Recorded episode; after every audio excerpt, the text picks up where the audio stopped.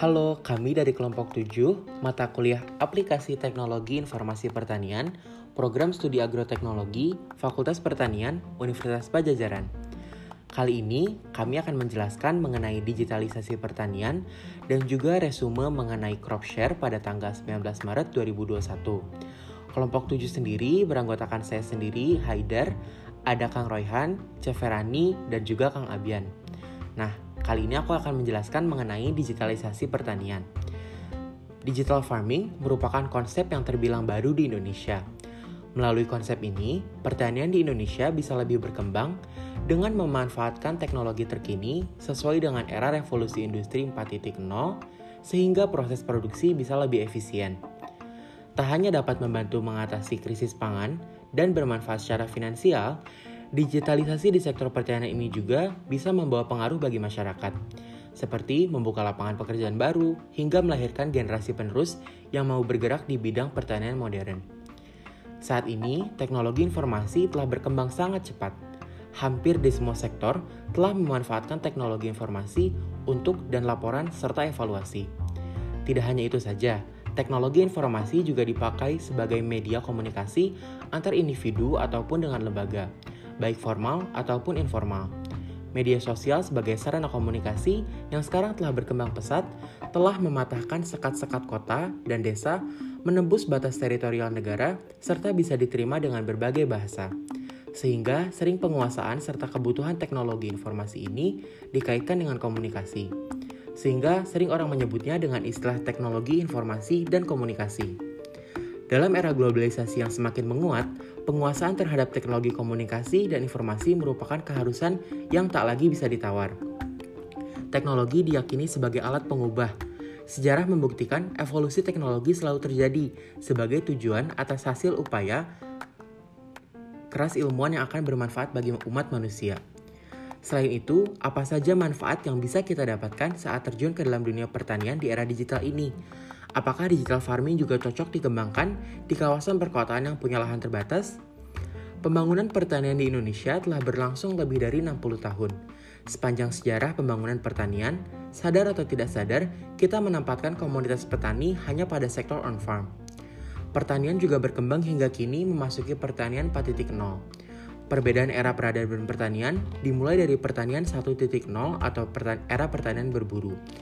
Kemudian ada pertanian 2.0 atau pertanian berpindah dan juga pertanian 3.0 atau pertanian intensif.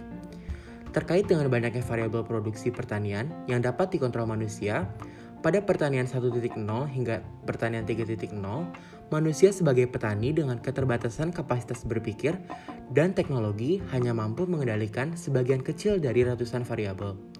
Implikasinya adalah tingkat produktivitas pertanian dan kepuasan konsumsi produk pertanian yang dicapai masih sangat terbatas. Selanjutnya akan dijelaskan oleh Kang Royhan.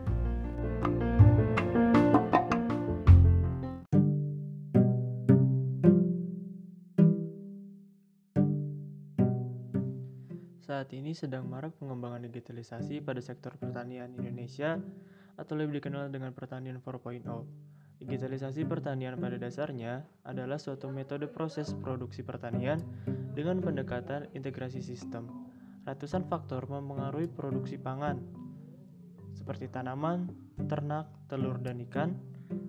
Ada puluhan variabel agroklimat, puluhan variabel kesuburan tanah, dan ratusan variabel fisiologi yang masing-masing berkontribusi pada produksi pangan. Pada level usaha tani, selain variabel itu juga terdapat puluhan variabel sosial ekonomi petani yang turut mempengaruhi produksi. Begitu pula dengan sisi permintaan, terdapat puluhan variabel yang mempengaruhi permintaan suatu komoditas atau produk pertanian. Pertanian 4.0 yang ditandai dengan kemajuan ilmu pengetahuan dan teknologi seperti big data analysis, artificial intelligence atau AI, Internet of Things, dan cyber physical system ini bisa mengontrol hampir semua variabel yang mempengaruhi produksi, penawaran, permintaan produk pertanian, serta dapat mengelola variabel-variabel tersebut secara terintegrasi dan konvergen, sehingga menghasilkan produktivitas pertanian yang lebih tinggi, efisien, dan atribut produk yang makin lengkap.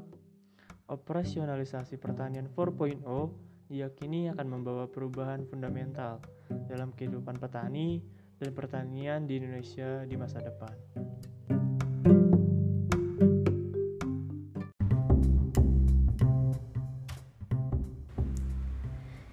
Di era pertanian 4.0 ini, selain proses produksinya, proses distribusi dan konsumsinya juga sudah menggunakan metode yang modern dan canggih, seperti penggunaan sosial media untuk menjual hasil pertanian.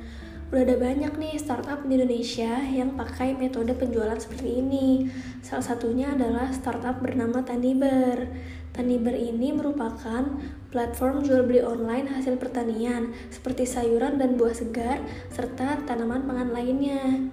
Owner dari Taniber ini merupakan salah satu mahasiswa Fakultas Pertanian dari Universitas Pajajaran, yaitu Kang Wahyu Ridwan.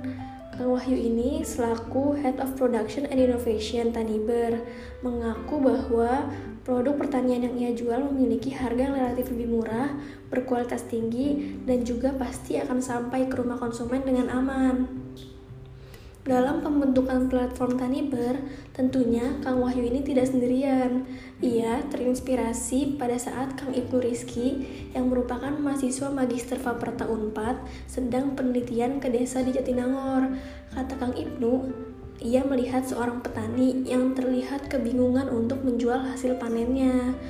Nah, dari situlah Kang Wahyu tergerak untuk membentuk platform Taniber agar dapat membantu petani-petani di desa yang kesulitan menjual hasil panennya dan juga memutuskan panjangnya rantai distribusi sehingga petani dan konsumen juga dimudahkan dalam jual belinya.